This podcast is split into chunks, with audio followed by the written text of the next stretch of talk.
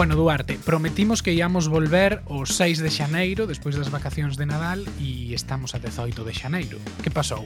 Si, sí, é pouco habitual en nós ter este tipo de retrasos. Normalmente xa sabedes que somos bastante puntuais. Comprometímonos a volver o 6, pero por motivos laborais tanto de Miguel como a meus realmente non puidemos poñernos a gravar un podcast coa calidade ou co rigor co que pois habitualmente intentamos tratar estas cousas, pero comprometémonos a que a que non vai volver pasar. Sí, foron unhas semanas de moito traballo, pero bueno, dá gusto ver que a pesar de pasar así un tempiño inactivos, a xente segue escoitando o podcast e mesmo seguense facendo suscriptores, porque durante estas vacacións de Nadal pasamos dos 50 Patreons. Sí, eh, de feito, a, a número 51 chegou eh, este pasado domingo nun directo que fixemos coa xente de, de Orgullo Galego a través da plataforma Twitch, no que pasamos como dúas horas falando do podcast, de política británica e tal. Podedelo seguir en, en YouTube na conta de Orgullo Galego se, querer, se queredes, pero aí conseguimos eh, eso, Patreon número número 51, gran gran orgullo para nós. Sí, a verdade é que foron dúas horas aí desbarrando que o que mellor, mellor se nos dá e o que máis nos gusta pasámoslo guai. Pero, pero bueno, eh, como vos podedes imaginar despois de case dous anos falando semanalmente do Brexit se despois de que se chegara un acordo entre a Unión Europea e o Reino Unido non falamos de en que situación estamos agora e cales son as claves dese acordo pois nos matariades, así que ese é o tema de hoxe. Dentro intro. About Brexit. What, what's that? Like, Put your flags away, you're leaving, and take them with you if you are leaving now. With the light, with the music, very welcome everybody here. You're joking. There's too much politics going on at the moment. Hi, folks. I've developed mild symptoms of the coronavirus. The nose to the left, 432. Would you like a cup of tea? Yeah, sure. Go on, have a cup of tea. Thank you, thank you. Pois como xa sabredes todos a golpe pois de mediados de casi finais de xaneiro, eh, o Reino Unido e a Unión Europea chegaron a, a un acordo comercial no Nadal, no propio día de Nadal, contra a última hora Boris Johnson anunciou que por fin había acordo. Despois de 4 anos de debate constante, de rondas de negociacións, de moitísimos podcasts nos dous últimos anos falando dos retos eh, de Brexit, agora temos un acordo. Non imos entrar en todos os detalles porque supoño que xa os puidechedes eh, ler nos medios de comunicación, pero sí que queremos comentar un par de historias que a nós nos chamaron particularmente a atención ou que nos parecen interesantes e falar tamén das consecuencias políticas que vai ter este acordo. Pero antes de nada vamos a facer como unha pequena compilación. A ver, Miguel, intenta explicarnos cales son as tres ou catro ideas chave eh, deste acordo. Claro, As catro ideas chave, por así dicilo, a máis importante de todas sería que non vai haber arancéis para os bens, é dicir, para os produtos que pasen a fronteira do Reino Unido a Unión Europea, da Unión Europea ao Reino Unido. Estamos a falar, pois, por exemplo, de coches, estamos a falar, por exemplo, de patacas. Isto non afecta eh, a servizos, só a bens, isto mm, compre deixalo claro. Outro punto importante é que a Unión Europea vai seguir mantendo acceso aos caladeiros de pesca do Reino Unido, a pesar de que durante os próximos cinco anos a cota pesqueira eh, vai se reducir un 25%. Isto, bueno, un tema polémico, falaremos del eh, máis tarde. E despois, O terceiro e cuarto punto, que están moi relacionados, teñen moito que ver con aquelo que falábamos antes de, de Nadal das regras de xogo uh, co, conxuntas, non? ou da igualdade nas regras de xogo, que aquí lle chaman o level playing field. Finalmente, houve un acordo a este respecto e a Unión Europea e o Reino Unido acordaron pois respetar esas regras comuns para que haxa para que non haxa unha competencia desleal a nivel comercial E sobre todo, o punto importante, decidiuse cal é o mecanismo uh, de regular ou de velar porque esas regras se cumpren. Finalmente, decidiuse que vai haber un árbitro independente que será quen de, pois iso, decidir si a Unión Europea ten dereito a impoñer sancións ao Reino Unido porque se está pasando da raya e está comezando a, a ser un pouco desleal, pois dando vantaxes eh, fiscais ou laborais ás súas empresas en comparación coa, coa Unión Europea. Esas serían as catro ideas principais, pero claro, moi a grosso modo, porque hai, hai moitos matices, non? Pero bueno, Duarte, a primeira pregunta eh, que, que, que se fará todo o mundo é este é un bo acordo ou un mal acordo para, para un Reino Unido e para a Unión Europea? Pois pues a ver, como todo, tamén depende de, de a quen lle preguntes. Neste podcast, pois pues, bueno, é sabido que somos ou fomos partidarios de, de Remain, particularmente durante a época ah, do referendo, no caso do meu caso, pero a ver, isto era un acordo que estaba eh, sendo negociado por un goberno de Boris Johnson e o goberno de Boris Johnson tiña que cumprir promesas ou compromisos que se fixeron ao votante medio eh, pro Brexit.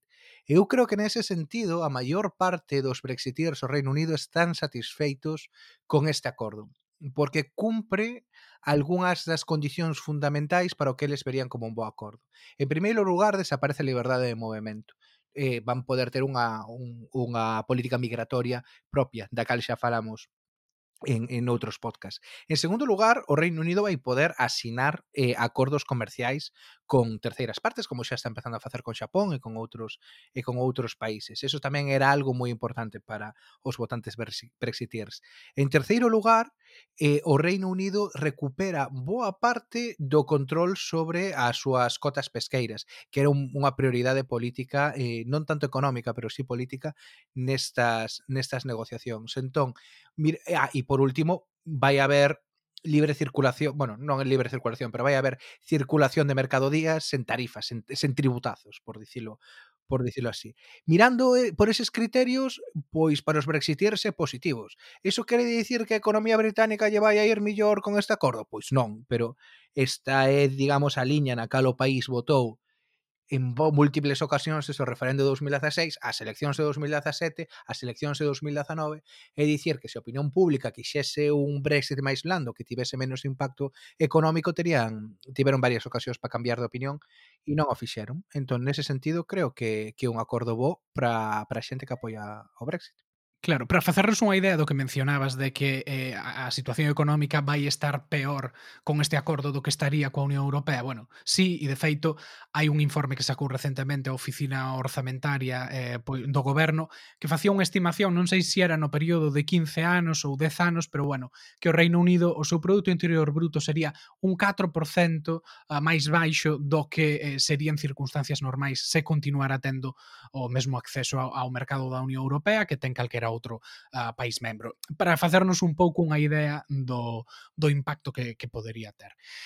Pero, bueno, eu estou bastante de acordo co que ti dis, o que pasa é que hai certas cousas que, que me chirrían e sobre todo cando nos poñemos a, a mirar os matices, eh, pois bueno, chaman a atención. Por exemplo, a min chamame a atención o feito de que os servizos estean eh, prácticamente fora deste acordo. Non? É certo que o acordo en sí é mm, como un primeiro chanzo a partir do cal se van poder construir no futuro outros uh, outros uh, acordos comerciais que afecten a servizos como das finanzas que agora mesmo quedan nunha especie de, de limbo legal e non é ningunha broma porque, por exemplo, a actividade dos mercados de capitais da Unión Europea un terzo agora mesmo eh, acontece no Reino Unido, non? E, e está, está o seguinte é Francia e é menos da mitade do, do, que, ten, do que é o Reino Unido agora mesmo. Cara, moi, entón, iso... moi curioso isto, ademais, porque o Reino Unido ten unha... Mm, Vendelle máis servizos a Unión Europea dos que compra, pero eh, quedou fora do, do, do acordo, non? A sí, parte dos servizos. Claro, claro que a nivel comercial, pois probablemente o sector eh, do automóvil, que é un, un sector moi sensible no Reino Unido, o sector da agroindustria, pois sí que teñen motivos para estar razonablemente felices, pero que o sector servizos eh, todo todo o contrario, de feito, pois agora eh, vaise xogar un cun, cunha especie de entendemento entre o, ser, o sector financeiro británico e o sector financeiro da Unión Europea que a nivel xurídico non é moi seguro, no sentido de que ambas partes se recoñecen, por así dicilo, mutuamente e recoñecen que están xogando coas regras do xogo, pero teñen o dereito de romper esas regras do xogo con 30 días de, de antelación e, e bueno, eso a nivel de seguridade xurídica pois non é non é bo para, para o sector. E a maiores diso, a maiores de que non se inclúan os servizos, que son 80% do, do, do Produto Interior Bruto británico, tamén hai outros matices con respecto a cando se fala de non vai haber arancéis, porque iso non é tan así. Por un lado, eh, o feito de que haxa máis burocracia vai implicar máis gastos e, e máis impedimentos, máis trabas para as empresas británicas que teñen que mandar o seu produto fora ou importalo. Pero despois hai un detalle moi importante que, que ten que ver con algo que chaman as regras de orixe, Polo cal, só están exentos de pagar arancéis aqueles produtos que, como mínimo, nun 50% foran elaborados no Reino Unido. É dicir, que se si un produtor de patacas británico e queres exportar as túas patacas a Bruxelas, eso non está sometido a ningún tipo de arancel. Se ti unha empresa que se dedica a comprar pantalóns vaqueiros feitos en Camboya ou noutro país de Asia, traelos ao Reino Unido e desde o Reino Unido exportalos ao resto da Unión Europea, eses produtos sí que están sometidos a arancéis porque non cumpren as regras de orixe, porque o material, o produto en sí, o pantalón foi feito eh, fora do Reino Unido e no Reino Unido como moito, pois se empaquetou ou se almacenou durante un tempo para despois ser distribuído a outro a outro lado. Eso está a, a causar moitos problemas a grandes cadeas, pois como pode ser Next, que é unha especie de, de Zara daqui do, do Reino Unido, ou a uh, centros comerciais ou cousas en plan Brico King, que agora mesmo pois a, as súas cadeas de distribución funcionaban así, importaban de Asia ao Reino Unido e do Reino Unido ao resto da Unión Europea e non só o resto da Unión Europea. A Irlanda do Norte, por exemplo, tamén se está se están está habendo problemas porque Irlanda do Norte está dentro do que é o paraugas legal comunitario. Pero bueno, falaremos eh, falaremos diso un, un pelín máis adiante porque un pouco máis técnico. Uh -huh. eh, eh, bueno, hai unha cousa aquí que comentas que é moi interesante. Claro, non hai aranceis no sentido de que non hai un tributazo pero sí que hai claro. barreiras hai barreiras nas fronteiras, no o comercio non é tan libre como era antes. E hai un exemplo moi interesante no tema da pesca.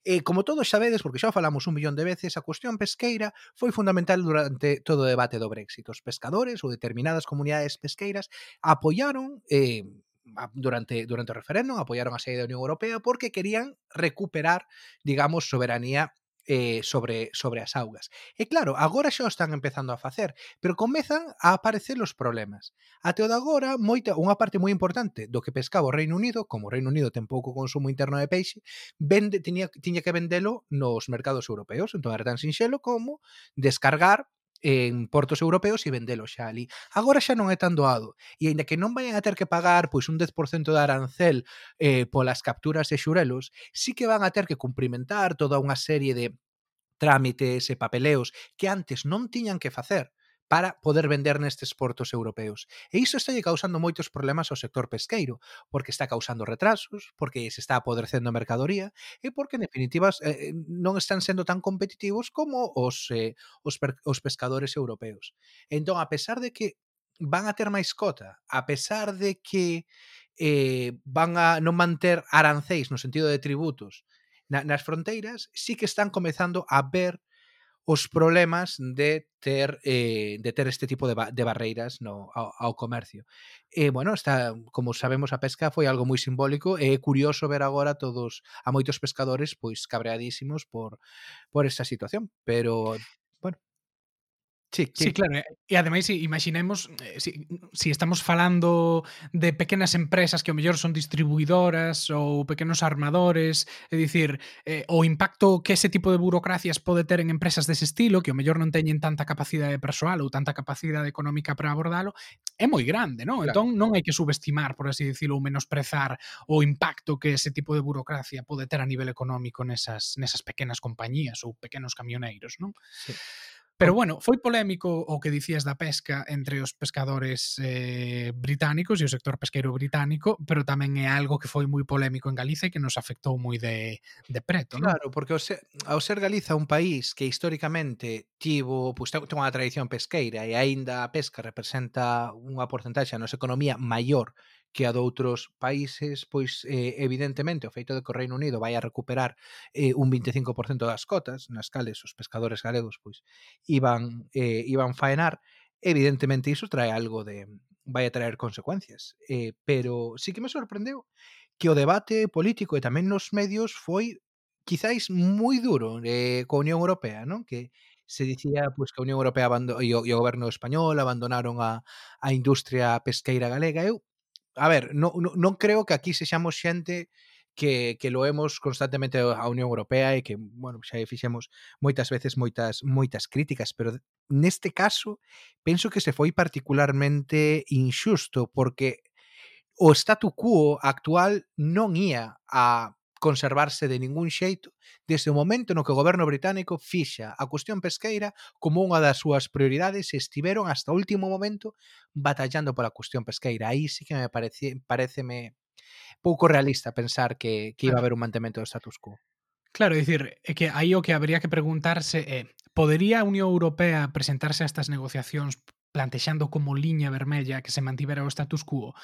É dicir, é imposible, polo, polo que ti dis, porque a pesca era unha das bandeiras do Brexit. Facelo e poñer esa liña vermella e ser intransixente nese sentido probablemente, probablemente implicaría causar problemas a moitos outros sectores que económicamente pois eh, teñen máis importancia ah, para Galiza, como pode ser a automoción, como pode ser o mellor o sector conserveiro, que verían agora pois problemas a hora de, de, de exportar, se si nos poñemos tan duros co tema pesqueiro. De feito, eh, despois de que se asinase o acordo, unha das interpretacións que se facía tanto no Reino Unido como en Europa por parte da prensa económica e dos analistas era que foi o Reino Unido quen cedeu en materia pesqueira e que aí a Unión Europea, por así dicilo, xogou bastante ben a, as bazas, mentres que eh, a Unión Europea tedi, tería cedido na, na idea do level playing field e sobre todo na idea dese árbitro máis independente que iba máis ao gusto do Reino Unido e non tanto da, da Unión Europea. Entón, claro, eu cando vi así en redes sociais sociais, a crítica de algunha xente, mercado común europeo, Unión Europea, ruína da pesca galega e demais,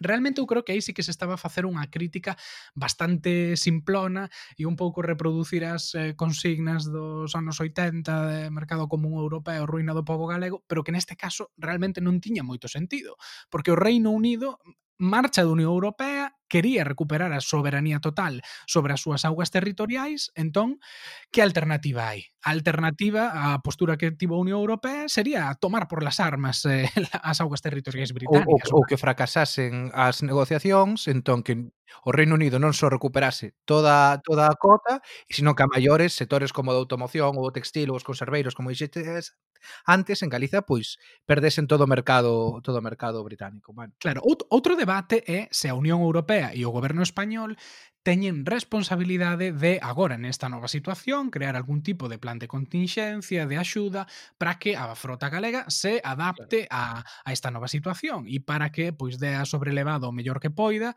pois o feito de que vai a perder parte do, do mercado que tiña, parte dos caladoiros que tiña, pois que era uh, de onde sacaban parte do, dos seus ingresos e dos seus eh, beneficios anuais. Pero ese outro debate, pero no que ten que ver coas negociacións, eu neste caso non creo que a, a, a, as culpas se poidan atribuir á Unión Europea porque creo, de feito, que xogou bastante ben as súas bazas. Uh -huh.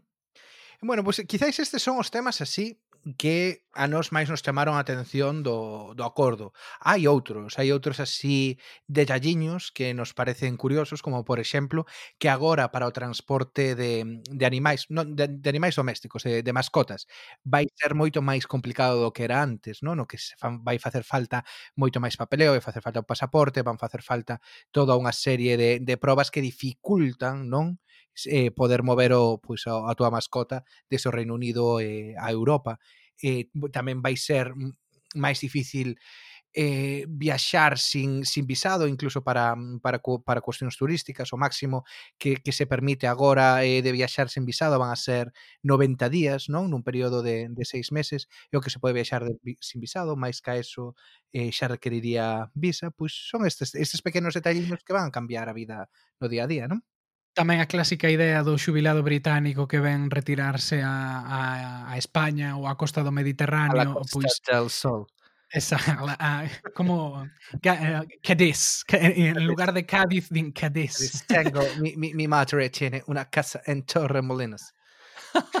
bueno, Torremolinos, aí ainda estaría bastante ben pronunciado Torremolinos. Sí. Pero bueno, sí, esa idea pois va, van ter máis trabas porque vai depender, eso sí, de convenios bilaterais entre o Reino Unido e os países da Unión Europea, pero en moitos casos eh, van necesitar cousas como, por exemplo, ter contratado un seguro de saúde e ter uns ingresos mínimos, o cal probablemente poida dificultar a xente británica retirada, pois de clase obreira ou con ingresos medios baixos, vai poñer ter máis dificultades agora pois de poderse retirar e vivir os seus últimos anos disfrutando do, do sol do sur de Europa. Entón, bueno, son así pequenas anécdotas, pequenos detalles, eh, pero que probablemente pois sí que van a facer unha grande diferenza para para moitísima xente, do, especialmente do Reino Unido eh, mm. nos próximos anos. E en algún momento aínda vamos a ter que cubrir no podcast eh, como van a quedar moitas cuestións que van a afectar aos migrantes galegos. Desde sí. si van a contar os anos cotizados a hora de volver, como se pode de trasladar unha pensión do posto de traballo ao Estado español, aínda quedan moitas cuestións que non están nada claras porque tamén dependen de convenios bilaterais entre España e o Reino Unido, pero diso xa falaremos máis adiante ou ata detalles importantes, e isto eu fixen unha mínima documentación e non me acabou de quedar nada claro, como se podemos enviar eh, caixas de comida de Galiza ao Reino Unido, que é algo moi habitual, por valor de máis de 100 euros porque lín por aí que iso a partir de agora podería traer certos problemas en canto a papeleos, porque se podería considerar pois, que o mellor estabas exportando ah, a comida ou produtos ao Reino Unido e habería que declaralos. Cantos non, non... chourizos son autoconsumo? Claro, exacto. Cantos chourizos son autoconsumo e cantos entran na liña do extraperlo? Bueno, claro, eso a, habería que, que estudalo. Pero bueno, eso queda para outro programa.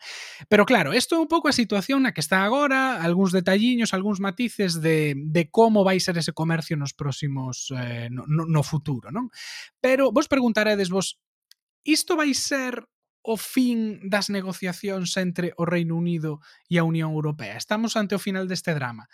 Bueno, pois non realmente non, e realmente o, o modelo que vai ter o Reino Unido de agora en diante vai ser algo bastante parecido ao que ten Suiza agora mesmo existen 25 comisións eh, mm, de membros do Reino Unido e da Unión Europea para discutir cousas tan variadas como a regulamentación dos medicamentos ou a seguridade eh, das aerolíneas aéreas, por exemplo. Eh, existen mesas conxuntas entre ministerios eh, británicos e a Comisión Europea para falar, por exemplo, da futura regulación eh, dos, dos servizos financeiros, da transferencia de datos eh, persoal nacionais e eh, de empresas entre a Unión Europea e o Reino Unido e, como dicíamos antes, a partir do quinto ano, despois de asinar este acordo, comezarán unhas novas negociacións para regular como vai ser o futuro do acceso da Unión Europea aos caladeiros británicos e as augas territoriais británicas. Por tanto, entramos nunha fase na que o Brexit Ah, e o debate do Brexit vai ter un papel moito máis secundario, pero a efectos prácticos o debate vai continuar e as negociacións van continuar prácticamente eternamente. De feito, bueno, no, no The Economist eh, facían esa comparación entre o Reino Unido e Suiza e falaban precisamente de como en Suiza o goberno perde moitísimo tempo, inviste moitísimo tempo en ter os seus burócratas negociando continuamente coa Unión Europea eh, e, bueno, eso parece ser que vai ser o futuro, así que sempre vai estar coleteando o debate das negociacións entre Londres e Bruxelas. Pero, bueno, afortunadamente tamén agardamos que o debate público o debate político no Reino Unido sí que sexa capaz de pasar páxina e centrarse noutras prioridades que tamén ten que afrontar o país. Este foi un debate tamén moi tóxico eh, na, na sociedade británica e casi que se agradece poder empezar a, a ollar cara a outros problemas que ten o Reino Unido e que requiren, bueno, requiren solución. O que pasa é que, claro, as coletadas e as consecuencias do Brexit vanse notar noutras, eh, noutros debates ou noutras áreas do país. Por exemplo, a cuestión territorial da cal xa falamos mil veces no, no Te con Gotas, vaise reabrir e vaise acrecentar. De entrada, e así, digamos, de xeito máis inmediato, está o tema escocés. Escocia, como xa dixemos moitas veces, é un país moi proeuropeo que con este tipo de acordo tan duro que, eh, vale, será das delicias eh, dos brexiteers ingleses, pero non dos independentistas escoceses ou non da maior parte dos votantes escoceses. Isto vai dar moitos azos ao soberanismo mm, eh, escocés, e nomeadamente o Scottish National Party, de cara ás eleccións no mes de maio e de cara a reabrir o debate independentista e intentar convocar un segundo referendo que saque a Escocia do Reino Unido, pero que o permita integrarse na Unión Europea. Eso vai a ser un debate de carácter constitucional importante nos próximos anos. E tamén vai pasar algo parecido no en Irlanda do Norte eh, Irlanda do Norte, como xa comentamos noutras ocasións, agora queda máis aliñada a nivel regulatorio coa Unión Europea e coa República de Irlanda que co Reino Unido. A fronteira física xa non está entre Irlanda do Norte e Irlanda, está no mar de Irlanda, entre as dúas illas. Entón, claro, aí vais a abrir tamén un problema en Irlanda do Norte a respecto das posibilidades de reunificación, non de Irlanda. Claro, eso é que era o, o exemplo que mencionaba antes cando falaba do das regras de orixe para que vexamos a efectos prácticos como uh, se está desacoplando ou como se pode desacoplar Irlanda do Norte do resto do Reino Unido cando puña aquel exemplo dos pantalóns uh, feitos en Camboya e importados ao Reino Unido agora se se importan ao Reino Unido non poden ser exportados a Irlanda do Norte sen pagar un arancel. É dicir, está hai moitas cadeas que tiñan unha, bueno, pois un sistema de distribución centralizado na illa de Gran Bretaña e distribuían a, a súas tendas na República de Irlanda e en Irlanda do Norte que agora se fan iso teñen que pagar un arancel. Entón, eh, claro, iso vai crear un cambio moi grande e probablemente leve a moitas empresas a buscar unha forma de reorganizar a, pois, eh, como distribuían os seus produtos na illa de Irlanda por completo. Iso vai afectar a República de Irlanda, que é un país soberano que está na Unión Europea, pero tamén a unha parte do Reino Unido como é Irlanda do Norte. Entón, bueno, claro, como iso, pois pode dar lugar no futuro a moitísimas outras contradiccións porque a efectos prácticos, como diste, está baixo o paraugas leal, legal da, da Unión Europea. Pero, e, bueno, e máis alá deste tema así xa máis eh, comercial, máis técnico, eh, uh, ti, Duarte, con respecto ao futuro político de Boris, mm, como pensas eh, que, mm. que se atisba non despois deste, deste acordo? A ver, eu creo que tamén o futuro político de Boris tamén vai depender agora máis da pandemia que do Brexit, pero iso xa en sí di algo. E di que Boris Johnson coa cuestión do Brexit foi exitoso. Foi capaz de desbloquear pois o, a catástrofe do que foi o goberno de, de Theresa May, eh, con, mm. no, no, ao principio de xeito moi eh, moi duro, foi capaz de negociar un acordo que ao mesmo tempo foi capaz de vender o seu electorado e a fin de contas non é tanto se o acordo cumple ou non cumple todas as promesas absolutamente absurdas que se fixeron en algún momento, se non seres capaz de venderllo aos teus, e Boris Johnson foi capaz. Entón, el agora sí que se pode proxetar a si sí mesmo como o primeiro ministro que sacou ao Reino Unido da Unión Europea e que conseguiu un acordo coa cal a maior parte da xente estaba satisfeita. É un punto político e que lle cubre, bueno, pues a xestión bastante mediocre e bastante mala eh, da, da pandemia, que igual vou... terá máis influencia. Claro, e houve outro punto simbólico aí, que foi o feito de que o Partido Laborista mayoritariamente votou a favor do acordo, que de feito houve moito moito debate sobre si debían facer iso ou non, Finalmente o fixeron porque entendían que ese acordo era mellor que un no deal, pero bueno, a efectos prácticos ao final, Boris Johnson levou o seu acordo ao Parlamento Británico e foi refrendado cunha amplísima maioría e apoiado pois polo polo principal partido da oposición. E con Kier Keir Starmer de líder nada menos que era eh, dos máis europeístas da eh, digamos do gabinete de, do, do período anterior, do gabinete de Corbyn. Pois sí.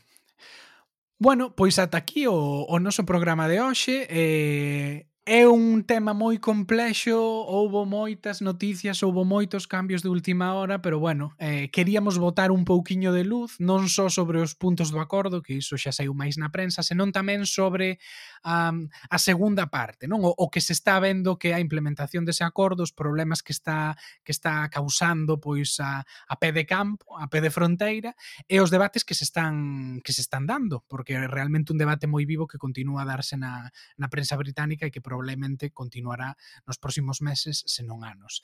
Así que, bueno, pois ata aquí o programa de hoxe, agardo que a partir de agora teñades as cousas máis claras, que si volve a haber eh, discusións no bar cando reabran, eh, poidades ter aí os argumentos listos para para demostrar que sabedes todo sobre o Brexit. Non se fala de outra cousa nas tabernas de Galiza que do Brexit, así que para Bueno, nas da nas da costa pode ser, non? Con, con todo o tema pesqueiro mellor se fala algo máis, pero sí. Si xa non é o tema mainstream que era antes, eh, a pandemia ten algo que ver niso. Pero bueno, continuamos como sempre, xa sabedes que nos podedes seguir en redes sociais, en Facebook, eh, Twitter e Instagram, eh, e xa sabedes tamén pois que tedes o noso Patreon. A semana que ven volveremos cun tes en gotas, que é o, o contido exclusivo para suscriptores, así que se queredes acceder a ese novo programa e a todos os anteriores que levamos lanzado nos últimos anos, pois podedes facervos eh, suscriptores subscritores do noso podcast en patreon.com barra eh. Ah, bueno, e tamén temos un newsletter que sabemos que a raíz do de Orgullo Galego hai moita xente nova que nos comezou a seguir e que non sabía de nós. Temos un newsletter que sae eh, todos os mércores onde facemos unha especie de resumo da actualidade da última semana no Reino Unido e tamén do que fai a comunidade galega aquí nas illas.